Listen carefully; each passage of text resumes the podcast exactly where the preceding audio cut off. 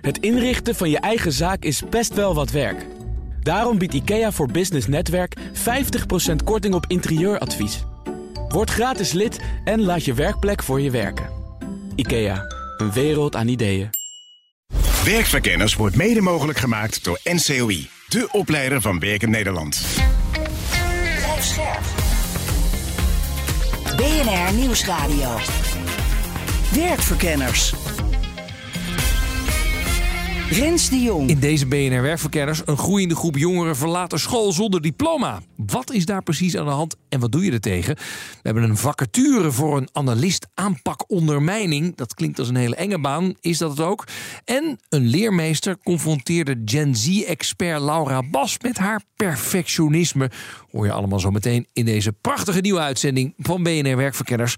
Maar nu eerst het BNR Werkverkenners nieuws. Werkverkenners. Met Nelleke van der Heijden. Dag Nelleke. Dag Rens. Ja, we zitten nu al met een enorm lerarentekort. Praten we best vaak over in deze uitzending. Blijkt dat ze ook nog al die Nederlandse leraren naar Vlaanderen toe gaan. Vertel. Ja, er werken ruim duizend leerkrachten in het Vlaamse en in het Brusselse onderwijs. Dat bracht het Vlaamse ministerie van Onderwijs en Vorming in kaart. En dat meldt dan weer het NRC. Het gaat om een groei van ongeveer een derde in vijf jaar. En waarom gaan die Nederlanders allemaal naar België toe? Nou, belangrijke reden is dat de klassen daar kleiner zijn. En de kinderen zijn daar ook aardiger. Die luisteren beter. En een van de docenten die NRC sprak, die zegt dat ook voor bepaalde vakken, zoals gym, daar zijn er vakdocenten. En in die tijd dat de kinderen met die vakdocent bezig zijn, kan zij haar administratie doen of oudergesprekken voeren. Nou, in Nederland was het eigenlijk wel vrij vanzelfsprekend dat ze dat in haar vrije tijd deed. Dus ja, ook minder werkdruk is een belangrijke reden. Maar hoe krijgen we ze nou weer terug? Ja, dat wordt een moeilijk verhaal natuurlijk met die met, al die, kinderen. met al die goed opgevoede kinderen, ja. Ja, en deze juf die, die ik net noemde, wordt sowieso een moeilijk verhaal, want die is voor de liefde verhuisd. Maar er is ook toch wel een kleine relativering op zijn plek, want het aantal Vlaamse docenten dat in Nederland werkt, is ongeveer even groot als de groep Nederlanders in België. Ah, oké. Maar toch interessant om daarnaar te kijken.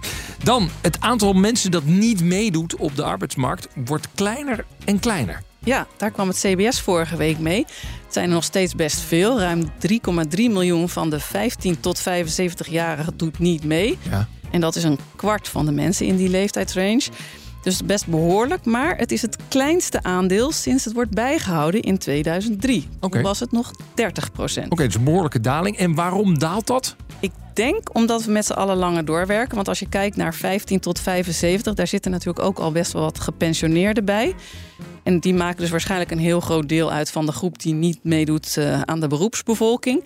En nou ja, misschien omdat de pensioenleeftijd opschuift, wordt die groep ook gewoon kleiner. Nou, lijkt me allemaal heel goed nieuws. Dan werken in de culturele sector. Dat is geen vetpot. Ja, ja. Dat is ook niet echt nieuws, denk ik, toch? Nee, het verbaast mij niet heel erg. En dit is een conclusie van een UvA-socioloog, Peter Macheta, als ik het goed zeg. En hij doet dat op basis van onderzoek dat hij 10 mei gaat presenteren. Universiteitsblad Folia die sprak hem hierover. En nou ja, wij zeggen al de duidelijk dat dat niet eh, goed betaalt. En hij zei ook dat hij het andermaal concludeerde. Nou, blijkbaar denken we met z'n allen van... oh, die mensen die werken, die doen hun passie... die krijgen zoveel voldoening uit hun werk... er hoeft niet ook nog eens geld tegenover te staan. Maar ja, dat soort aannames zijn blijkbaar best wel schadelijk voor de sector. En Oh dat ja. wil hij denk ik met dit onderzoek ook eh, in beeld brengen. Want hij zegt aannemen dat mensen het voor een passie doen en gewoon slecht betalen, is uiteindelijk slecht voor de culturele sector. Ja, en hij heeft daar een hele opsomming voor. De salarissen zijn lager dan in andere sectoren. Er zijn minder vaste aanstellingen. Er worden veel overuren gemaakt. En mensen werken vaker gedwongen zelfstandig. En de verwachting die iedereen natuurlijk heeft van... oh, ik heb zoveel autonomie en ik kan zo lekker creatief zijn... die worden heel vaak niet ingelost. Hij zegt ook dat hij het opvallend vond hoe geïndividualiseerd de creatieve sector is. Dus je staat er echt ook heel vaak alleen voor. Dus als je Oh, niet succesvol bent, ligt aan jezelf. Ja, Terwijl natuurlijk in alle andere sectoren denken we ook... nou, het zou ook wel eens aan de arbeidsmarkt kunnen liggen. interessant. En noemt hij ook oplossingen? Ja, meer vaste contracten zouden er moeten komen. Zelfstandigen moet je beter gaan betalen. En ook heel belangrijk, studenten moeten beter worden voorbereid op de moeilijke arbeidsmarkt waar ze naartoe gaan. Ja, ja. Goed, dan ander nieuws. Dat is namelijk het exitgesprek. Heel belangrijk. Ja, als je weggaat bij een bedrijf, moet er altijd even gevraagd worden: hoe gaat het eigenlijk met je en waarom ben je weggegaan? Ja, ik kwam daar een onderzoek over tegen. Is al van even geleden, maar ik vond het toch wel de moeite waard om eh, nu hier nog even mee te nemen. Werkgevers zouden veel beter moeten uitvragen waarom iemand vertrekt, omdat het iets kan zeggen over hoe inclusief je organisatie is Oh ja. en hoe sociaal veilig. Nou, hoogleraar sociale en organisatiepsychologie Joanneke van der Toorn, die is hoofdonderzoeker van dit onderzoek. Misschien leuk om haar even te bellen. Nou, laten we dat inderdaad gaan doen. Uh, Joanneke, ben je daar? Ja, Rens, ik ben er. Ja, je hoort het altijd, hè? Maar, maar waarom is zo'n exitgesprek ook weer zo belangrijk? Nou, je kunt als organisatie heel veel informatie ophalen uit een exitgesprek. Uiteraard uh, over waarom mensen weggaan bij de organisatie en hoe ze die organisatie ervaren hebben. En over diversiteit en inclusie bijvoorbeeld. Ja, en jullie doen dit in het kader van diversiteit en inclusie. En daar laten werkgevers heel veel kansen liggen, begrijp ik. Ja, dat klopt.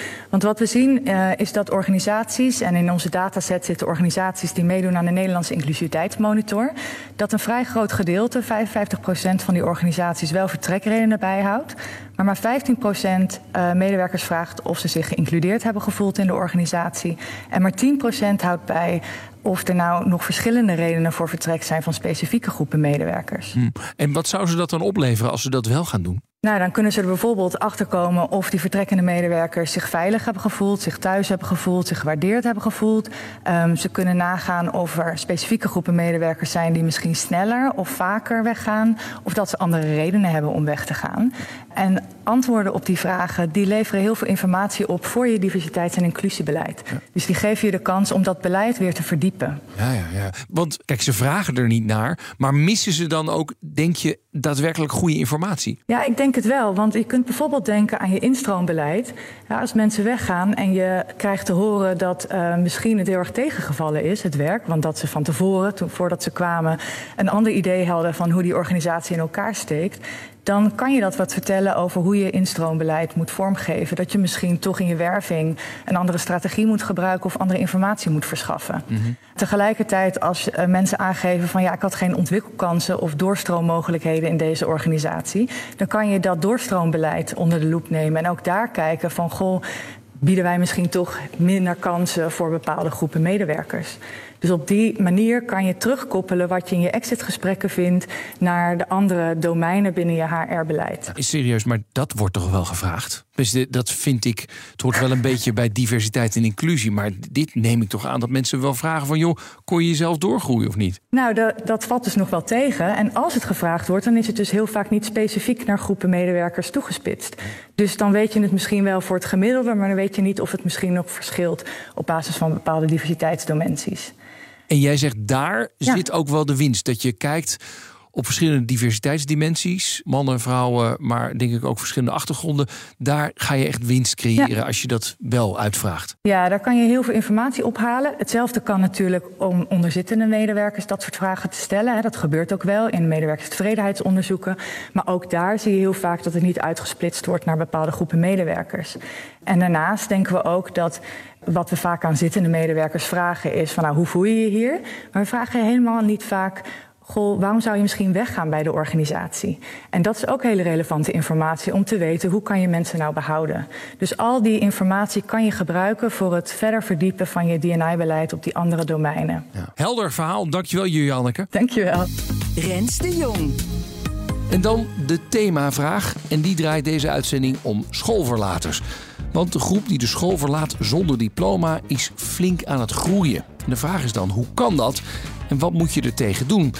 Nou, de brancheorganisatie was geschrokken van het hoge aantal mbo'ers onder de schoolverlaters. Nou, uh, dat kwam wel even binnen. Ja, als alles en iedereen oproept om toch vooral door te gaan tot je in ieder geval een diploma hebt, dan is het toch wel een beetje gek dat sommige werkgevers jongeren juist bij de opleidingen wegplukken. En dat vind ik echt wel redelijk bizar.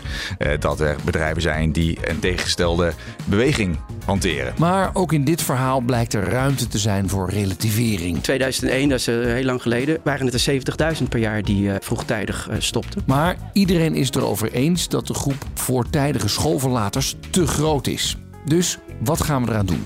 Nou, een grote ergernis is de jonge leeftijd waarop de jongeren hun opleiding moeten kiezen. Ik vind ook zonde dat we, de, dat, dat we onze jongeren dit aandoen op die leeftijd. Ander probleem, we hebben bij MBO een veel te beperkt beeld. Steeds al die voorbeelden van bouwvakkers en techneuten. Er zijn nog, ik heb ooit ook stage gelopen bij de overheid, gewoon als MBO'er. Ja.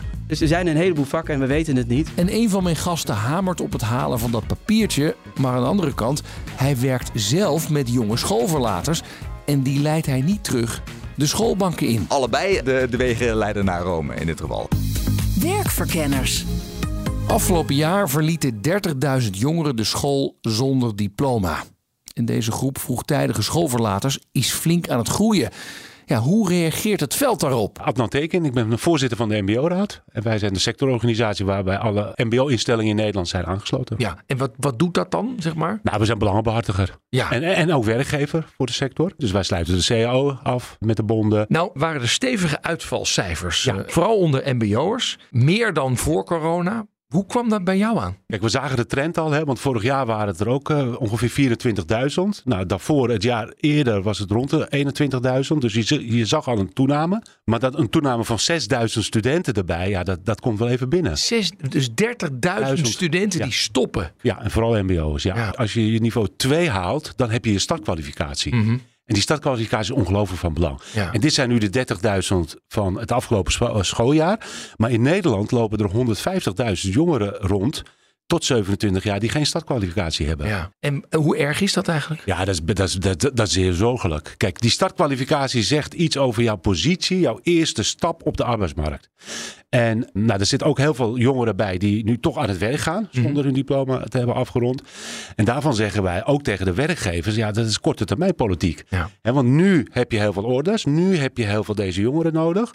Hè, maar straks, en we zien de eerste signalen al, het kabinet heeft het moeilijk om de voorjaarsnota rond te breien. Werkgevers zijn minder genegen om vacatures open te stellen. Dan zijn deze jongeren als eerste die eh, de deur worden gewezen. Hebben jullie zicht op deze groep van 30.000? Wie zijn ze? Ja, we hebben daar wel redelijk goed eh, zicht op. Het, het is een eh verscheidene groep. Er zitten een paar oorzaken dat ze stoppen. Nou, Mhm. Eén is het effect toch van corona. Heel veel mentale problemen die jongeren ervaren. GGD heeft net laatst ook een onderzoek gedaan. Daarin zien ze ook dat in sommige regio's 60% van deze jongeren mentale problemen ervaart. Nou, dit kun je echt toeleiden naar, eh, naar corona. Hmm. Eh, we zien ook dat jongeren, en dat heeft ook weer met, een beetje met corona te maken, een verkeerde studiekeuze hebben gemaakt. Kijk, in coronatijd hadden wij geen fysieke open dagen. Online open dagen, ja, dat werkt dus niet bij het MBO. Want het MBO moet je proeven, zien en voelen. Dus je moet ook, als je houtbewerking wil doen, dan moet je het hout eh, kunnen ruiken. Nou, dat is dus niet eh, goed. Dat is niet goed gelukt in coronatijd, hè, omdat we echt online moesten. Nou, dat kan een reden zijn. Een andere reden is ook, weten we ook uit onderzoek, is dat in Nederland jongeren al op hun 14e of 15e een keuze moeten maken. En dat is wel heel erg jong. Ja. En eh, nou, die combinatie van eh, factoren eh, maakt het dat deze uitval is gegroeid. En de meest recente voorbeeld is toch krimflatie. Dat is toch dat heel veel jongeren moeite hebben om de maand door te komen. Niet alleen voor hunzelf, maar ook dat ze verantwoordelijk zijn voor het gezin. ja. En dan is de korte termijn oplossing, ik ga gewoon werken. Ik ga gewoon werken. Ja. Ja. Ja. En we zien met name in de grote steden dat laatst ook heel erg veel plaatsvinden. Omdat er ook heel veel niet-westerse migrantenjongeren zitten. Die wat meer extra verantwoordelijkheid voelen Mhm. voor het wel en wee in de familie. Ja. En dus ook om rond te komen. Nou ja, weet je, en dat is echt doodzonde. Ja. Even die psychische achtergrond. Hè? De minister zei het ook over. Ja, dat komt onder andere ook door corona, motivatie. Kun je daar iets meer over zeggen? Ja, nou, corona heeft het zichtbaar gemaakt. Ja. Er waren natuurlijk daarvoor ook al jongeren die uitvielen en die die rust en die regelmaat niet hadden. En het probleem is toch wel, denk ik, wat breder geworden, qua aantallen ook. Ja. Er is nog een reden, misschien wel. Door krapte op de arbeidsmarkt is er nu het fenomeen groenpluk Ja. naar boven gekomen. Ja. Het klinkt alsof je groene, lekkere, sappige blaadjes sla plukt. Ja, nou ja, groen is positief en plukken, nou ja, plukken kennen we allemaal. Hè. Je plukt een appel uit een boom. Nou ja, eh, eh, werkgevers plukken dan ook de potentials die ze dus zien. Hè, die dus bij hun bijvoorbeeld stage lopen. Hè, want in het mbo, dat weten ook heel weinig mensen, wordt er heel veel stage gelopen. Ja. Dat maakt het ook dat heel veel jongeren wat minder tijd hebben voor een betaalde bijbaan. Ja. Hè, dus dan is de verleiding ook steeds groter om toch die betaalde baan eh, te doen. Maar die werkgevers die plukken ze dus gewoon Ja. uit de schoolbanken. Ja. Zonder dat ze een startkwalificatie hebben. Ja. Ja, Hmm. omdat ze het vak al enigszins onder de, onder de knie hebben. Hè. Dat ze al enigszins nou, of een metselaar of een stucadoor of, of whatever eh, zijn. Ja. Nou ja, en dat vinden wij wel zorgelijk. En ik praat daar met de landelijke koepelorganisaties van werkgevers, praat ik daar met sectoren en branches over. Nou, die vinden dat ook zorgelijk en die, die vinden dat ook niet wenselijk. Maar, maar ga maar die ene werkgever ergens in die regio, die dus al die opdrachten heeft, ze niet kan wegzetten en ook niet steeds nee wil verkopen, ga dan maar dit verhaal uh, houden. Ja. Hoe groot is die groep eigenlijk? Ja, dat weten we niet precies. En als je het hebt ook van wat zou je dingen anders moeten doen de komende jaren, nou is dit wel een, een speerpunt. Want dat we samen met onze scholen en met RMC, dus de regionale meld- en coördinatiepunten, dat zijn er 40 in Nederland, daar zit ook gemeenten in, gaan we echt goed kijken of we dat toch niet beter kunnen achterhalen. Ja. Want iedereen heeft het nu over. Ja. Werkgevers, maar ook de scholen. Maar niemand heeft harde cijfers. Maar hoe groot deze groep eigenlijk is. Ja, en iedereen weet dat deze groep bestaat. Dus ergens in die 30.000 zit een groep van mensen die gewoon van de school geplukt zijn. Eigenlijk niet psychische problemen, wat dan ook. Maar gewoon denken, ja, ik kan hier ook gewoon aan het werk. Hebben ze niet gewoon gelijk, die jongeren? Als je Eh, metselaar wil worden en je krijgt een baan aangeboden als metselaar. Ja, nou de verleiding is natuurlijk heel erg groot. Hè. We, we leven ook in een bling-bling maatschappij, zeg ik altijd. Hè. Dus eh, de, de nieuwste iPhones, nou, noem maar allemaal op. Ik had het net over die niet-westerse migrantenjongeren... die toch iets van andere problematiek hebben in die grote steden... Hè, om voor hun gezin eh, en voor hun familie te zorgen. Dus ik begrijp de verleiding wel. Alleen het is ook voor deze jongeren een korte termijn. Want echt, als het straks iets slechter gaat met de economie... en dat gaat natuurlijk gebeuren, dat voelen we allemaal aan... dan zijn toch deze jongeren die het eerste de deur worden gewezen. Ja? Ja, omdat ze geen sterke positie hebben op die arbeidsmarkt. Omdat ze geen startkwalificatie hebben. Mijn volgende gast valt niet stijl achterover bij het horen van deze cijfers. Ik ben Max Boedi, ben eh, oprichter van Play to Work. En dat is een eh, skill-based matching platform, eh, specifiek voor mbo'ers. Ja, dus jij bent echt helemaal begaan met het lot van de mbo'ers. Ja, ik ben zelf ook een mbo'er. Een mbo'er met een phd. Met een team van 20 mensen doen we alleen maar nadenken over hoe we het voor die gasten beter kunnen maken. Een sterke stijging van het aantal schoolverlaters, vooral bij de mbo. Ben je geschokt? In het geheel niet. Waarom? Nou, ik maak me natuurlijk wel een beetje zorgen. De laatste twee jaren stijgt het weer. En dat is enigszins zorgelijk, maar niet om in paniek te schieten. Mhm. En het is fijn dat de minister ook de aandacht ervoor heeft. Ja, maar niet in paniek schieten van jongens, het, eh, het einde van de wereld is nabij, begrijp ik. Nee, als je alleen in paniek schiet, dan moet je in paniek schieten omdat we met elkaar een beetje moeite hebben om zeg maar, alle plannen te executeren. Dus als je het hebt over knowing doing gaps, dan weten we heel goed wat we moeten doen om dit te voorkomen. Mhm. Maar de executiekracht is eh, hier en daar nog eh, wat zorgelijk. Waarom denk jij dat het zo omhoog gaat? Voor een deel eh, zegt de minister dat ook in de brief dat het komt door corona. Jonge mensen die minder gemotiveerd zijn. Voor een deel komt het ook door mensen die vanuit voortgezet onderwijs dit gaan doen, het mbo-onderwijs. Eh, dat ze een echte diploma niet hebben gehaald, dus die mochten door, zeg maar. En een eh, grote groep mensen die een, een uitdaging hebben, eh, die is wel goed te pinpointen. Dat zijn de mensen die entree doen. Eh, dat zijn sommige VAVO-opleidingen. Dat zijn opleidingen voor... Help ja, even, wat is, wat is entree precies? Entree is niveau 1. Dus het MBO, MBO je- 1. MBO heeft vier niveaus. Mhm. 4, 3, 2 en 1. En 1 wordt ook entree genoemd. Mhm. En daar zitten de problemen, zeg jij? Ja, er zitten al heel lang de problemen. Daar is de jeugdwerkeloosheid ook 19, 20 procent. Ja, ja. Terwijl op niveau 4 het net onder het frictiegemiddelde zit van 2, 3 procent. Ja. Loopt iets op, maar Dus een mbo 1er is niet een mbo 4er. Je moet het echt heel gesegmenteerd bekijken, begrijp ik. absoluut. Ja. absoluut. En wat is dan het probleem van die mbo 1? Eh, die hebben vaak wat minder sterk supportive system. Er wordt gesproken over dat eh, eh, de Wat is dat precies, een supporter Ja, hun ouders, hun familie eh, zijn niet altijd in staat om ze mee te helpen. eh, met wat ze moeten doen als jong mens. Docenten zijn ook gespecialiseerd op niveau 1 en 2. En die docenten die, die spreken vaker over dat dat mensen zijn met een rugzakje. Mhm. Dus allerlei problemen persoonlijk, maar ook allerlei uitdagingen moet ik eigenlijk zeggen, persoonlijk. Eh, maar ook eh, met ouders en hun familie en dergelijke. Ja. Nou is het zo dat eh, de minister zegt... ja, er zijn heel veel redenen waarom iemand uitvalt. Dat kan inderdaad psychisch zijn, verkeerde keuze zijn... Ja. weggeplukt door werkgevers. Hebben we een idee waar het probleem echt zit? Nee, dat Oh. weten we niet. Dus de, de gro- groenpluk wordt al jaren over geroepen. En de scholen zijn daar heel vervelend over. Ze vinden dat eh, de werkgevers daar fouten maken. Ik vind eigenlijk overigens dat we in dit vraagstuk mensen niet moeten bestraffen. Maar groenpluk weten we eigenlijk niet hoe groot dat is. Hoe, hoe groot vroeg, vroegtijdige schoolverlating is, dat weten we wel. Dat is die 30.000. Maar in hoeverre daar werkgevers bewust om slecht te doen, hè, om hun eigen vacatures te vullen ten koste van eh, die MBO'ers, groenpluk, want dat is het label wat groenpluk heeft, dat weten we eigenlijk niet. Hmm. En ik vind het een verkeerd label. Ja, want? Nou ja, het zet de werkgever in een beklaagde bankje. Die werkgever mag best in het beklaagde bankje als hij heel bewust iemand van school afhaalt. En tegen hem zegt van, joh, maar s'avonds moet je niet dat diplomaatje gaan halen. Want stel dat de economische crisis omdraait, dan ben jij de eerste die gaat. Kijk, als werkgevers dat gedrag zouden vertonen, dan mag je zich best, best straffen. Ja, maar dat doen ze niet. Nee, natuurlijk doen ze dat maar niet. ze krijgen gewoon. Wat, wat, wat, wat doen ze dan wel? Nou, ze bieden mensen die op zoek zijn naar een baan, bieden ze een baan. Ja. En eh, daar zou je zeker met deze brief van de minister en de zorgen die we ons maken rondom Groenpluk, zou je best kunnen zeggen, beste werkgevers, doe nou doe dat anders. Als je iemand uit een schoolomgeving haalt, en dat is iemand zijn eigen vrije keus, en ook jouw keuze om iemand aan te nemen, bied hem dan wel, of verplicht hem dan wel, of zorg dan wel dat hij zijn diploma kan afmaken Ja. in de avonduren. Maar je vindt of in het weekend zelf. Ja, ja, maar je vindt het een beetje, als je het groenpluk noemt, dan geef je de schuld aan de werkgevers. Terwijl je zegt, ja. Is een frame. En voor deze ondernemer zijn die schoolverlaters juist precies de doelgroep. Mijn naam is Sjoerd Houtmeijer. Ik werk bij de Young Digitals. En de Young Digitals is een eh, impactonderneming. En wij begeleiden jongeren naar een baan in online marketing. Ja. En wij focussen op jongeren die helaas uitgevallen zijn in het reguliere onderwijs. Ja, ben ben je dat zelf begonnen? Of, eh?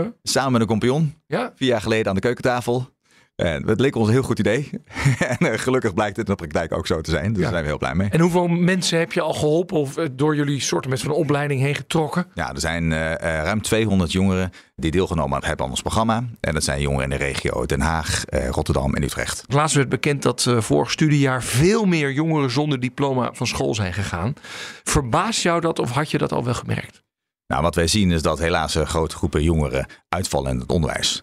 Dus dat verbaast ons niet, want dat is eh, de, de, de wereld waar eh, wij in zitten. Dat vinden we echt eh, super jammer, omdat ja, onze droom is natuurlijk dat iedereen zijn diploma haalt. Ja. Maar en zag je het ook toenemen? Werd dat drukker bij jullie of wat dan ook? Nou, ik zie het wel een een st- stabiele, stabiele toestroom Ja. van jongeren die op zoek zijn naar een alternatief. Ja, want ik eh, hoorde de minister zeggen, ja, dat komt onder andere ook wel doordat eh, jongeren een beetje gedesillusioneerd zijn geraakt tijdens corona. Merk jij dat dan ook zoiets of niet? Nou, we zijn voor corona begonnen, in corona en na corona. Ja. En eh, ehm, bij- ons is de, de vraag redelijk hoog. Ja, stabiel- stabiel ja, hoog. Ja, ja, ja, he- helaas, hè, moet ik wel bij zeggen. Want dat is natuurlijk heel jammer dat dat zo is. Ja. Een deel verlaat de school omdat ze ergens fulltime kunnen werken. Mhm. Dat wordt groenpluk genoemd. Ja, Groenpluk heeft bij mij een positieve connotatie. Heeft het bij jou dat ook of niet? nee, absoluut niet. Oh, Ik vind het juist eh, enorm zonde. Plaats. gebroken in de knop, zou jij Nou ja, kijk, eh, ehm, als je goed voorbereid wil zijn op een toekomst, wil je waardevolle eh, kennis en vaardigheden opdoen. En de school is een ideale manier om dat, eh, dat te doen. Echt belachelijk dat, het, dat werkgevers op die manier ja, eigenlijk die jongeren wegkapen van, van school. Ja. Terwijl de juiste bedoeling is dat de jongeren een stabiele basis hebben voor een, voor een hele mooie toekomst. Maar je zou kunnen zeggen, dat doen jullie ook. Of bij jullie zijn de mensen al van school af. Ja, wij, wij richten ons op jongeren die helaas uitgevallen zijn in het, in het onderwijs.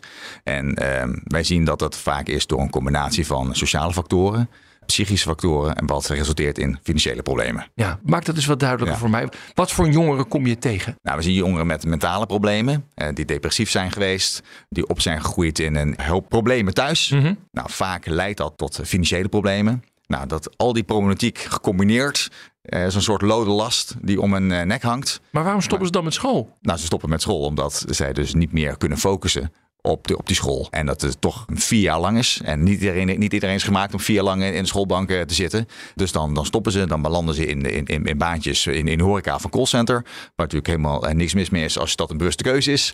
Maar over het algemeen zijn dat niet eh, banen waar je denkt, joh, dat is eh, leuk om 40 jaar lang te doen. En waar ook eh, groeipotentieel in zit. Ja. En als jij ze dan aan jouw bureau hebt, Mhm. eh, probeer je ze dan ook nog weer terug te krijgen die schoolbanken in, of niet?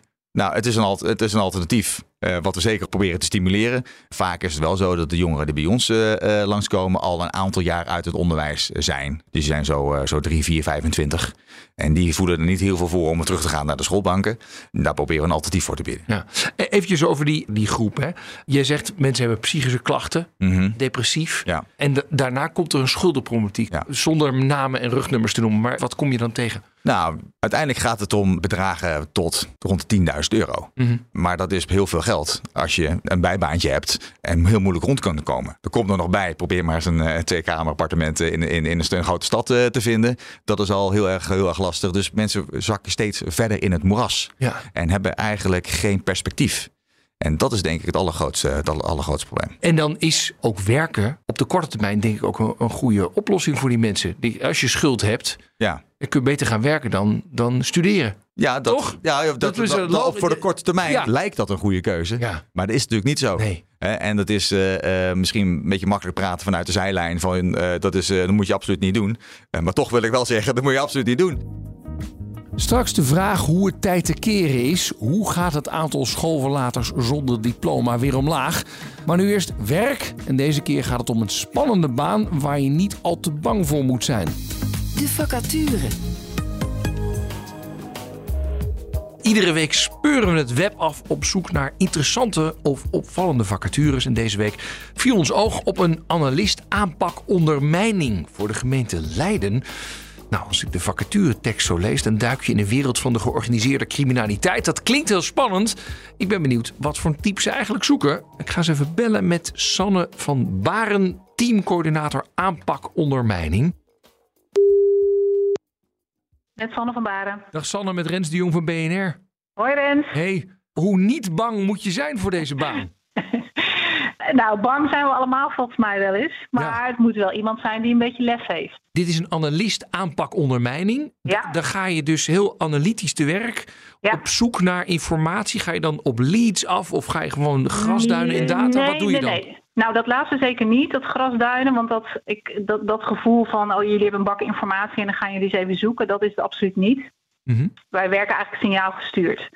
Dus eigenlijk alle ambtenaren van de gemeente Leiden, of je nou een bouwinspecteur bent of een BOA of bij werk en inkomen werkt, die hebben allemaal een soort basistraining gehad over hoe ziet ondermijning eruit en hoe herken ik dat in mijn werk. Oh ja. En we roepen collega's dan op om een signaal van ondermijning bij ons aan te brengen. En die analist is ervoor om uh, dat signaal te beoordelen. En om vervolgens, als de beoordeling is: oké, dit is een signaal van ondermijning, dit is aan ons om dat op te pakken gaat hij of zij in open bronnen kijken, in gemeentelijke bronnen kijken, om dat signaal wat sterker te maken. En geef eens een voorbeeld, wat voor signalen kun je dan krijgen? Dat kan zijn uh, iemand bij burgerzaken die uh, zegt, joh, er is hier nu al een paar keer een uitzendbureau geweest en die schrijft allerlei arbeidsmigranten in. Alleen de indruk die die arbeidsmigranten wekken is dat ze, nou, ze zijn niet in bezit van hun eigen paspoort. Ze kijken allemaal naar beneden, ze zijn wat schuchter. Dat is een voorbeeld Oh ja. hè, van is hier uh, sprake van uitbuiting. Hey, en wat moet ik nou gestudeerd hebben of gedaan hebben qua ervaring om hiervoor in aanmerking te komen? Nou, de voorkeur heeft criminologie. Mhm. Dat je dan dat gevoel bij wat is ondermijning, waar moet ik op letten, hoe zien die fenomenen eruit. Daar heb je dan in je studie al wat in meegekregen.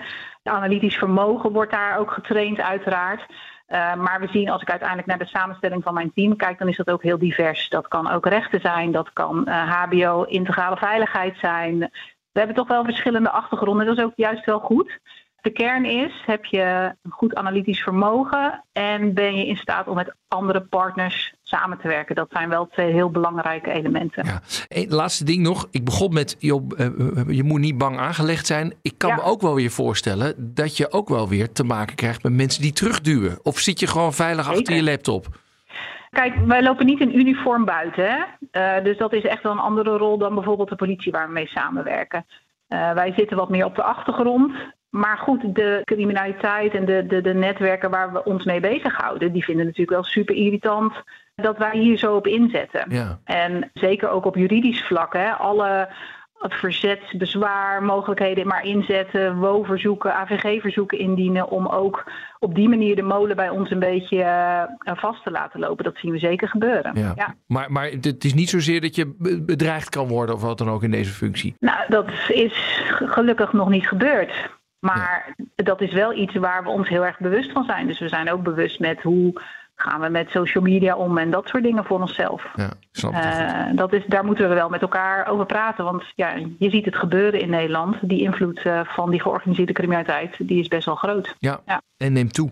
En, en daarom Ja. is dit werk ook belangrijk. Ja, vind ik ook. Ja, zeker. Eh, ook ik- vanuit de gemeente. Ik Ja. hoop dat je een eh, mooie eh, rij sollicitanten krijgt. ik hoop het ook. Dankjewel. Jo, dankjewel hè. Oké, Hoi. hoi.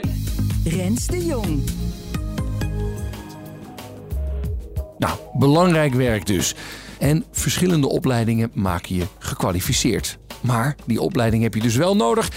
En daarmee zijn we weer terug bij de themavraag van vandaag. Want een groeiend aantal jongeren verlaat de schoolbanken zonder dat ze een kwalificatie hebben. Wat moet er gebeuren om die jongeren wel weer met een diploma aan hun loopbaan te laten beginnen? Ik vroeg aan Adnan Tekin van de MBO-raad wat scholen kunnen doen tegen die hoge uitvalcijfers. Ik was uh, maandag bij Drenthe College. Nou, daar zien zij dit fenomeen uh, ook natuurlijk uh, plaatsvinden. Nou, wat zij al daar hebben gedaan, kansklassen, dus de klassen kleiner maken. He, dus al bij het eerste jaar selecteren zeg maar, van jongeren die het misschien iets moeilijker hebben dan uh, in het regulier onderwijs. Ja.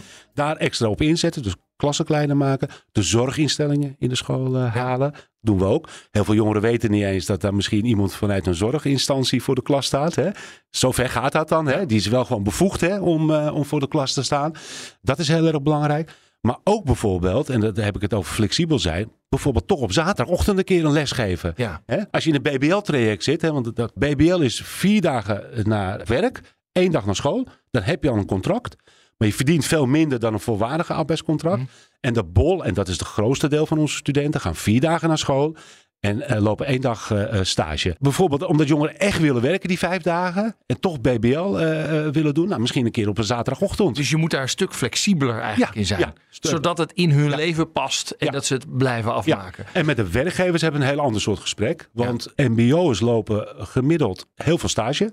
Veel meer dan HBO-studenten en WO-studenten. Maar we zien dat die onkostenvergoeding of een stagevergoeding nog steeds niet geregeld is. Hmm. En het is toch En dan is opeens de verleiding wel heel Juist. groot om een baan te nemen. juist. Want je, je hebt het misschien al niet zo breed. Je moet Ja. heel veel werken. Je krijgt eigenlijk geen geld in plaats Ja. van wel een beetje geld. Ja. Ja, Ja, en dat zou echt enorm helpen voor een groep eh, studenten. Hè. En er zit ook dan een stukje waardering in. ja. Die ze dan ook zien, Ja. eh, einde van de maand. Ja. E- Even, en dat hybride of learning on the job, zou dat bijvoorbeeld ook de groep uitvallers kunnen verkleinen? Ja, maar dat doen we natuurlijk al heel erg veel. Maar ik denk dat met name ook het gezien en het gehoord voelen, hè, dus echt maatwerk, dat dat heel erg belangrijk is. Nou, neem je de werkgevers kwalijk dat ze aan het groen plukken zijn? Nou, de landelijke eh, sectoren en branches vinden dit ook kwalijk. Die nemen daar ook afstand van. Die zeggen ook tegen mij, geef mij voorbeelden. Maar ja, dan ben je die ene MKB'er ergens in de kop van Noord-Holland... met zes medewerkers in dienst. Met, met een order voor eh, de komende drie jaar. Ja, neem het hem of haar dan maar kwalijk. Ja. Aan de ene kant begrijp ik het wel. Ja. En aan de andere kant is het toch korte termijn en kortzichtig denken. Maar die ondernemer heeft ook een probleem. Hij zegt, joh, ik heb een hartstikke goede metselaar gevonden. Ik wil hem gewoon in. Zou je dan als onderwijsinstelling niet kunnen zeggen... ja, maar wacht even, dan ga ik even naar die werkgever Ja. toe. En gaan wij samen eens even kijken Ja. hoe we dit kunnen inpassen in het onderwijs. Ja, en dat kan, hè, want dat, dat doen we dus nu al. Maar dan moet die werkgever wel met zijn eh, vinger opsteken. Is dat bijvoorbeeld jongeren die dan in de bol zitten op dat moment. Hè, dus vier dagen naar school gaan, één dag werken. Dat we die misschien kunnen omzetten naar een BBL-traject. Ja, Zodat die veel meer gaat werken. Ja, waar je veel meer gaat werken. Een contract ook krijgt waar je dus ook vier dagen dus gaat werken. Misschien zelfs vijf dagen. En dan op zaterdag in de schoolbanken gaat zitten. Weet je, ik heb liever dat. Maar dan moet wel de werkgever... Die moet de eerste actie doen. Ja. Die moet naar die school en zeggen, ik heb hulp nodig. Ja. Of jullie als, eh, laten we zeggen, MBO, als iemand uitvalt en zegt, ja, ik ga er toch gewoon lekker werken, want mijn werkgever, die zegt, oh, maar zullen wij dan even een gesprekje gaan voeren? Ja. Is daar ruimte voor? Ja, zeker is daar ruimte voor. Alleen dan moeten we het wel weten. Ja. En dat is wel een opdracht die ik mijzelf en mijn sector nu ga geven. Is dat we daar scherp op, eh, op eh, moeten letten. Ja, ja. Want als we dit nou laten doorgaan, dan vallen zoveel mensen uit. Waar, waar leidt dat uiteindelijk toe? Nou, dat je als het economisch wat slechter gaat, dat er heel veel jongeren buiten de boot vallen. Hmm. En het is al een moeilijke tijd, hè? ook met de inflatie, et cetera. Ja, dan, ja, daar wil ik niet eens over nadenken. Want wij komen van heel ver, hè? Van 70.000 eh, in 2001, hè? Ze viel er toen uit. Ja, 70.000. 2001, 20 jaar geleden. Ik, die tijd ken ik nog uit mijn Amsterdamse periode, toen ik hier eh, bij de gemeente werkte. Nou, dan zie je toch echt een toename, ook een druk op die gemeente. Hè, met de uitkeringen, hulpinstanties. Ben je als samenleving ook nog duurder uit, denk ik. Ja. En voor deze jongeren is het al helemaal niet goed. in Daar willen we dus niet naar terug. Nee, dat willen we niet. En- En we waren op goede weg hè, voor corona. Rond de 20.000 was het doel deze periode. Hè, nu ligt er ook een motie van de VVD om in 2026 naar 18.000 terug te gaan. Ja, dat wordt wel een hele grote opgave Ja. in deze tijd. Ja. Even, we hebben onderwijs, we hebben de overheid, we hebben de werkgevers. Loop ze allemaal even af. En wat zou jouw advies zijn? Ja, Kort. nou, over, de, over het onderwijs hebben we het net gehad. Hè, dat Ja. flexibeler inrichten. Daar hebben we ook een minister die daar heel erg goed over heeft. Hè. Die heeft dat actieplan ook al eh, aangekondigd. Wij moeten denk ik ook wat scherper kijken naar welke reden eh, jongeren uitvallen. Ja. Hè, dus op, Als op- onderwijs moet je daar Ja. beter inzicht ja, hebben. maar ook, ook doorvragen daarop, weet je wel. Want Je kan gewoon een enquête invullen als je, als je de school verlaat. Hè. Dan zeggen ze ja, ik ben aan het werk. Maar dan weet je nog niet het verhaal erachter. Ja. Is het nou groenpluk geweest of is dit iets anders geweest? Dus ik denk dat, dat we daar nog wel een opdracht hebben. Met gemeenten eh, echt die begeleiding doen in school. Dus samen met zorgverleners, met zorgverzekeraars. Veel meer doen in school. Je zou eigenlijk een soort van basisniveau moeten hebben in iedere regio. Waarbij ook de zorg in de school zit. En wij zijn geen zorginstelling. Dus we kunnen dat niet alleen doen. Hè, Maar hoe doe je de zorg dus gewoon voor je, voor je leerlingen? Dat ze, dat Ja, ze, preventief. ja, ja, Dat preventief. ze psychisch geholpen Ja. worden. Ja, ja. kijk, vaak is het dan te laat op die leeftijd. Hè? En dan gaan ze naar de huisarts, gaan ze naar de eh, eh, jeugdgezondheidszorg. Nou, daar staan wachtlijsten nu. Hè? Dus je kunt daar ook op een andere manier eh, naar kijken, maar echt veel meer preventief ook kijken. Dat zou ik ons willen toewensen, dat in iedere regio een, een basisniveau is. En hoe ga je die werkgevers meer hun vinger laten opsteken als ze zeggen: Ik heb er die eentje en die wil gewoon werken. Ja, die gaan we gewoon bij mij aan de gang. Ja, weet je, schroom nou niet om gewoon naar zo'n ROC toe te stappen. Of naar een gemeente, of naar zo'n regionale meld- en coördinatiefunctie.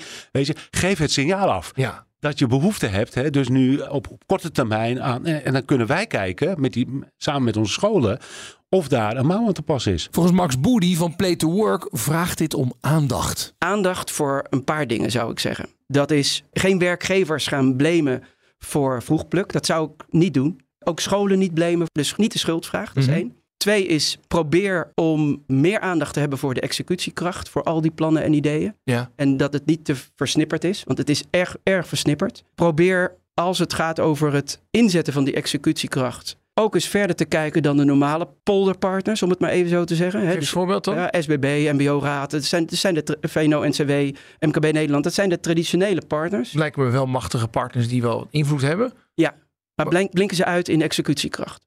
Blinken ze uit in innovatie? Blinken ze uit in lef? Blinken ze uit aan dingen durven? Dat is dan de vraag. Mhm. Het antwoord daarop is nee. En waar zou je dan lef willen tonen? Waar zeg jij van, nou, de plannen zijn al lang bekend, maar dit moeten we dan echt gaan uitvoeren? Nou, wat wij bijvoorbeeld vorige week hebben gedaan. Daar hebben we een hackathon georganiseerd met meer dan 100 mensen in het MBO eh, Utrecht. Waar alle perspectieven die je kunt bedenken, van ouder, student, docent, mensen uit de politiek, werkgevers, recruiters, HR-managers, die zaten eh, met elkaar te praten over niet de problemen. Ja, ook, om even de basis te hebben. Ook de oplossingen, ook prima. Maar wat gaan we maandagochtend om half negen doen? En Ja. dat klinkt heel populistisch, eh, maar dat helpt wel. Jij zegt eigenlijk, je moet misschien niet te veel nieuwe plannen bedenken, maar je moet vooral gewoon uitvoeren wat voor een ideeën we hebben. Ja, en dan met een beetje, met een beetje ballen. Ja. Om, om ook fouten te durven maken. Mhm. Ik denk dat een van de meest, maar dat is bijna van wij van WC Eend. Ik denk dat een van de meest concrete dingen wel is van ga, ga aan de voorkant op gedrag ook studies toewijzen. Nou, toewijzen klinkt dan weer zo. Ga studieadvies geven wat past bij iemand wie iemand is. Ja. Ja. En dat heeft met gedrag te maken. Heeft met gedrag te maken, heeft met wie iemand is, heeft met maatwerk over de persoonlijke Ja, maar maat. geef eens bijvoorbeeld met gedrag. Ik vind het fijn om in een studio te zitten. Of wat, wat bedoel je? Of ik. Oké, laten we zeggen, dit- toch even die verpleegkundige. Ja. Een verpleegkundige is iemand ten opzichte van een commerciant even Ja. op mbo-niveau. Een verpleegkundige is iemand, als je dat gedrag meet, dan zie je dat iemand een verankeraar is, noemen we dat. En iemand die gaat pas werken als de kaders van de opdracht duidelijk zijn. En zo iemand zal dan, omdat iemand zo in elkaar zit, altijd binnen die kaders blijven. Dat is fijn, want als je... Ja, dus je wil niet opeens anders. je wil niet eh, dat andere er injecties dat krijgen. iemand iets nieuws gaat bedenken ineens, toch? Precies. Dat wil je wel van een commerciant. Ja. Dus als je die, die zorgmens ziet als een systeemgrens met een vaste lijn waarbinnen iemand, dan is een commerciant iemand die heeft een stippellijn of gewoon helemaal geen enkele lijn. Want Nee. die, dat zit in iemand zijn hoofd. Ja, en die moet je een commerciële opleiding laten Zo doen. is het. Ja. En als iemand voor, op iedere vraag, zoals ik, nadenkt over jeetje, wat bedoelt hij nou? En er zijn vijf of tien opties. En eh, voor je het weet is er een minuut voorbij voordat je antwoord hebt gegeven. Want ik, dat moest, ik moest namelijk net heel hard denken van welke van de twintig voorbeelden ga ik je geven. Ja, dan is iemand scoort hoog op analyse. Ja. Ja, die zou ik bijvoorbeeld de storingsmonteur maken. Weet je? Ja. Ja, en, en zo kun je, denk ik, op, op basis van wie iemand is, hele goede adviezen geven. En nog één ding daarbij, want dat wil het onderwijsdomein eigenlijk ook niet. Waarom neem je arbeidsmarktperspectief voor de techniek niet mee in het toewijzen van studies? Volgens mij eh, is dat wel een goed idee Ja. om toch die arbeidsmarktpotentie er mee te nemen. Wel mee te nemen. Ja, wel meenemen. Want daar worden die jonge gasten vrolijk van als ze weten wat ze straks gaan doen en hoeveel geld ze gaan verdienen. Ja, ja. Weet je, dan blijven ze misschien hangen. En dan blijven ze misschien hangen ook omdat... Omdat ze zien, hé, maar wacht even, at the end of this tunnel kan ik echt goed gaan verdienen. Ja, En dat diploma helpt. Want als je geen diploma hebt, ga je 20% minder verdienen. Ja. Dus als je nou een aanbod krijgt, dan, dan zijn we weer terug bij Groenpluk. Als je dan het aanbod krijgt, als je niveau 1 of 2 hebt gedaan, je krijgt het aanbod om ergens te gaan werken. Ja, en je diploma is er nog niet. Dat je denkt van ja, dat levert nu wel op.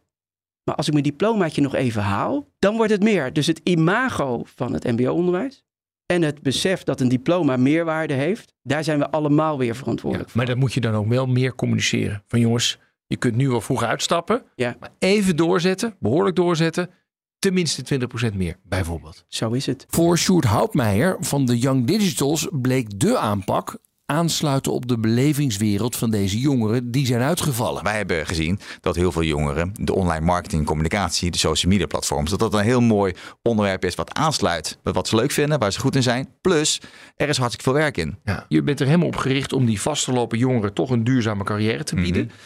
Hoe school je ze precies? Leg eens uit. Ja. Nou, wat wij doen, wij bieden deze jongeren een training van zes weken. Om eh, echt, het is even een stoomcursus online marketing. Mhm. Daar- Wat leren ze dan? Nou, hoe je eh, een social media post eh, schrijft, eh, Google Analytics, website optimalisatie. Eigenlijk het hele spectrum. Na het einde van de zes weken weten ze meer dan toen ze begonnen. Maar nog onvoldoende om te zeggen, nou, nu kun je de wijde wereld intrekken als online marketeer. Dus een, een, een aantal daarvan die gemotiveerd is en die het heel leuk vinden, kunnen bij ons komen werken. En dan krijgen ze een baan. En dan gaan ze onder begeleiding van ervaren professionals aan de slag voor opdrachtgevers. En die ervaren professionals die waarborgen de kwaliteit richting onze klanten. Dus die krijgen kwaliteit. En tegelijkertijd leren die jongeren het vak. Ja. Ik zeg altijd, hè, binnen de vier muren van ons kantoor kan bij wijze van spreken alles fout gaan wat fout kan gaan. Maar als het naar de klant toe gaat, moet het perfect zijn. Nou, dus het is een ideale manier voor deze groep om het vak in de vingers te krijgen. En hoe gaat dat dan? Want deze jongens en meisjes eh, hebben dus niet een school afgemaakt. Ja. Nou, je zegt al, sommigen eh, zijn ooit begonnen met depressiviteit en Ja. eh, moeilijk te concentreren. En dan heb jij ze, zet je ze opeens in een, in een gebouw met vier muren. Ja, ja, precies. Nou, kijk, ons programma bestaat eigenlijk uit, uit twee, eh, twee stromen. Eén is het marketing, eh, communicatie, inhoudelijke stroom. En tegelijkertijd hebben wij ook een welzijnsprogramma. We hebben jongerenwerkers in dienst die één op één coaching doen, eh, werknemersvaardigheden aanleren, die de zelfvertrouwen een boost eh, willen geven. En op die combinatie eh, maakt dat het goed gaat. Ja. En terug begeleiden naar de schoolbanken. Ja. Dat iemand opeens heeft, heeft het vuur gezien. Ja, nee, dat, dat, dat kan. Ja? Dat komt eens komt gebeurd? het komt voor. Oh ja? Het komt voor. Ik denk zo misschien zo'n 5 tot 10 procent die gaat eh, verder studeren. Nou, vinden we helemaal, helemaal perfect. Ja. Maar degene die dat dus niet eh, kunnen eh, of willen, daar willen we graag een alternatief voor Ja. proberen. Hey, en dan na een tijdje gaan ze gedetacheerd aan de slag? Of Ja. hoe, hoe werkt dat? Nou, uiteindelijk als mensen het vak in de vingers hebben en er op het gebied van welzijn er klaar voor zijn, worden ze gedetacheerd. Eh, en dan, dan draaien ze als junior marketeer mee in het team van de opdrachtgever. Oh ja. En dat is eigenlijk eh, de laatste stap op weg naar een baan in de grote buitenwereld, wat altijd ons doel is. Ja. En niet iedereen eh, kan bij ons eh, tot lengtedagen blijven werken. Dus het is een programma van, eh, van 24 maanden. En in die 24 maanden doen zij eh, werkervaring op bij verschillende werkgevers in verschillende sectoren, van, van Vodafone tot Nationaal Nederlanden tot het Rijksmuseum, eh, tot de gemeente. En door een kijkje te hebben gekregen, gekregen in die verschillende eh, keukens, eh, kunnen mensen daarna aan de slag voor andere eh, bedrijven en organisaties. ja. En, en dan eh, na twee jaar echt het nest uit, hè? Mhm. ja. En, en dan, hoe gaat het verder met ze? Nou, gelukkig heel goed. Nu hebben we natuurlijk profiteren van de enorme krapte op de arbeidsmarkt. Ja. Dat er steeds eh, meer bedrijven en organisaties zijn die zeggen van... nou, we gaan deze jongen kans, kans bieden. Daar zijn we ook super blij mee. Maar steekt het dan niet? Want dan hebben ze niet echt een diploma op zak. Ja. Je hebt ze wel enorm geholpen. En Ja. ik geloof echt dat je goed werk doet. Ja. Maar ja, je kunt zeggen, ja, ik heb het opleidingsprogramma van Young Digitals doorlopen. Ja. Of je hebt gewoon je MBO eh 2 tot en met eh Ja. 4 afgemaakt. Ja. Nou ja, ja, wat ik net zei, hè? dus eh, onze voorkeur heeft dat iedereen zijn diploma haalt. Ja. Dat is, dat is eh, veruit staan stip op één. Maar wat, we bij, wat ze bij ons eh, doen, is naast het vak leren, is waardevolle werkervaring. Mhm. Relevante werkervaring. Ik zeg, ik heb gewerkt voor die bedrijven die ik net noemde. En dat heeft uiteindelijk, geeft het een, eigenlijk een voet tussen de deur bij toekomstige werkgevers. Mhm. En wij proberen onze jonge digitals mee te geven dat continu blijven leren, ook in je vervolgende banen. Dat is de, eigenlijk de sleutel Ja. tot een succesvolle carrière. Ja. Dat is wat wij proberen te doen in de opdrachten die wij onze jonge digitals eh, geven. Is dat ze continu leren om, eh, om verschillende onderdelen van het online marketingvak in de vingers te krijgen. Maar aan de ene kant zeg je, ja, ik vind het belangrijk dat iedereen zijn opleiding gaat doen. Ja. Dat papiertje. Aan de andere kant bewijs jij in de praktijk, nou ja, als je maar voldoende opdrachtgevers hebt gehad, joh, dan kom je toch wel binnen. Snap je? Ja, ja, ik begrijp wat je bedoelt. Ik begrijp wat je bedoelt. Maar als jij een, een diploma hebt eh, behaald, dat is voor heel veel werkgevers is dat nog het criterium. Neem ik iemand aan of niet? Ja. En wij bieden een alternatieve route voor jongeren die niet geen diploma halen. Ja. Wat ik hoop in de toekomst, dat er steeds meer bedrijven ook zich eh, openstellen voor jongeren die deze al, verschillende alternatieve routes hebben belopen. Mhm. Maar dat is wel een gevolg van het feit dat jongeren uitvallen, anders dan dat het de meest wenselijke route is. Ja, ja. En eigenlijk zeg jij van ook richting werkgevers. Zorg er nou voor dat je niet alleen maar je dood staat op dat papiertje. Precies, er zijn werkgevers die, eh, als ik dan aanklop van, eh, ik heb hier eh, hele goede jongen, kunnen ze niet eh, detacheren bij jullie? En dan zeggen, nou oké, eh, we proberen het wel, maar we nemen ze niet aan, want bij ons moet je een HBO-diploma hebben. Oh ja. Nou, dan zeg ik, super jammer, eh, maar laten we gewoon maar gewoon beginnen, eh, dan, eh, dan kun je het zien. Nou, en gelukkig krijg je dan steeds meer terug van werkgevers. Oh, maar wacht eens eventjes, deze jongens zijn eigenlijk hartstikke goed, mogen we ze toch aannemen? Dan zeg ik, ja, heel graag. Hè, dus, maar verander dan wel even je policy voor iedereen. dat, dat, dat, dat, zou, dat zou heel fijn zijn. Hè? Ja. Dus je, je ziet wel steeds meer en meer eh, bedrijven en organisaties. Misschien ook door de krapte op de arbeidsmarkt. Maar ook omdat ze intrinsiek gemotiveerd zijn om een rol in de maatschappij beter in te vullen. Om deze, dat zij deze jongeren een kans bieden. Daar zijn we heel blij mee. Maar er mag nog wel een berg, eh, berg bovenop. Nou, conclusie over deze vroegtijdige schoolverlaters. Het is een diverse groep die soms mentale problemen heeft, soms schulden. Soms de taak om in het levensonderhoud van de familie te voorzien. En soms worden ze gewoon door werkgevers met een acuut tekort weggeplukt uit de schoolbanken. En ze lijken allemaal op de korte termijn misschien een oplossing te zijn voor de krapte bij de werkgevers. Maar over het algemeen is iedereen het erover eens dat deze jongeren veel beter af zijn met een diploma. Dus wat te doen? Het onderwijs moet ook in de vorm veel beter inspelen op de behoeften en de zorgen van de jongeren. Dus als dat de combinatie van school en werk wel mogelijk maakt, dan moet les op zaterdag bijvoorbeeld echt bespreekbaar zijn. En vertel de jongeren ook vooral over het perspectief. Welke banen zijn kansrijk en wat ga je daar met een diploma meteen meer verdienen dan zonder? En dan de werkgevers. Ja, die zouden zich verre moeten houden van de groenpluk natuurlijk. En als een jongere zelf om een baan vraagt zonder een afgeronde opleiding, dan zou de werkgever met de betreffende school contact kunnen zoeken om te kijken hoe kunnen we nou samen ervoor zorgen dat deze jongere wel een diploma krijgt. En als de overheid dan ook nog eens iets kan verzinnen waardoor de jongeren niet al op hele jonge leeftijd grote keuzes hoeven te maken, dan zou het helemaal moeten goedkomen. De leermeester. Laatste onderdeel van deze uitzending, de leermeester. Wie zorgde bij jou voor een kantelpunt in je carrière? Maakte dat je een andere afslag koos? Of hielp je een stap te zetten die je anders misschien helemaal niet durfde te zetten? Deze week bellen we met de leermeester van Laura Bas. En dat is een Gen Z-expert. Goed je te spreken, Laura. Insgelijks. Hey, even eh, kort in twee zinnen. Wie is jouw leermeester en waarom? Elske Doets is mijn eh, leermeester, omdat Elske Doets mij geleerd heeft om eh, perfectie los te laten, waardoor ik eh, eigenlijk mezelf kon zijn op het werk. Kijk eens, Elske Doets, dat is volgens mij de zakenvrouw van het jaar ergens een tijdje geleden. En reisonderneemster, toch? Ja, dat klopt. Ja, en voornamelijk vanuit de zaakvrouw van het jaar heeft zij de Young Lady Business Academy opgericht. En eh, zo heb ik Elske leren kennen. Want Oké. ik heb daaraan deelgenomen. Nou, gaan we eens even bellen met Elske Doets. Elske doet. Dag Elske met Rens de Jong van BNR. Hey Rens. Hey, hallo. Zeg, ik heb iemand aan de lijn die zegt dat jij haar leermeester bent. Nou, ik ben heel benieuwd wie dat is. Nou, zeg het maar, eh, Laura. Hoi Elske, je spreekt met Laura Bas. Oh. nou, dat is leuk om eh, jou eh, zo te horen dat ik je, je leermeester ben. Godverdorie zeg. Ja. Laura, vertel eens, wat, wat heb jij geleerd van Elske? Nou, Elske heeft mij echt heel erg geleerd om mijn perfectionisme los te laten. En dat begon eigenlijk al met, eh, ik heb me opgegeven voor haar Young Lady Business Academy. Ja. En toen moest je een intake doen. En ik had die toen echt helemaal perfect voorbereid. Want Elske was natuurlijk zakenvrouw van het jaar. Dus ik keek heel erg tegen haar op. En ik had helemaal de perfecte pitch eh, voorbereid. Ik had eh, mijn hele cv op, opgedreund. En toen was die, die pitch klaar. En toen keek Elske me eigenlijk best wel emotieloos aan. En toen zei ze tegen mij van, oh ja, leuk. En toen zei ze zo tegen me van... eh, ja, ik zie een eh, schuurspons achter je liggen. Waar schuurt het nou eigenlijk in jouw leven? Oh. En ik kreeg die vraag en ik dacht echt van, wat vraagt ze nou? Ik bedoel, ik dacht, ik, ik wilde toegelaten worden tot een business academy... en dan gaat ze ineens vragen waar het schuurt in mijn leven. Dat strookte helemaal niet bij pe- perfect willen zijn. En moest ik Oh. ineens gaan vertellen wat er niet goed ging in mijn leven. Dus ik raakte een soort van helemaal in paniek. Maar toen achteraf, toen besefte ik me wel van ja, maar doordat ik dus wel mezelf liet zien en ook mijn minder mooie kanten liet zien, kon ik wel uh, mezelf zijn. Elske, doe je dat bij iedereen of niet? Ja, kijk, weet je, uh, Rens, uh, die dames die melden zich dan aan bij mij met allemaal perfecte cv's. Ze doen allemaal dingen die ik nog nooit in mijn hele leven heb gedaan. Hè? Dus extra activiteiten, stages in het buitenland. En dan denk ik, ja, dit is allemaal too good to be true. En dan denk ik, ja, maar ik wil juist weten wat er, wat er achter zit. Waar, en ik zag dat schuursponsje liggen in een nogal kale keuken. Want het was in coronatijd dat uh, Laura dus uh, digitaal zich aanmeldde.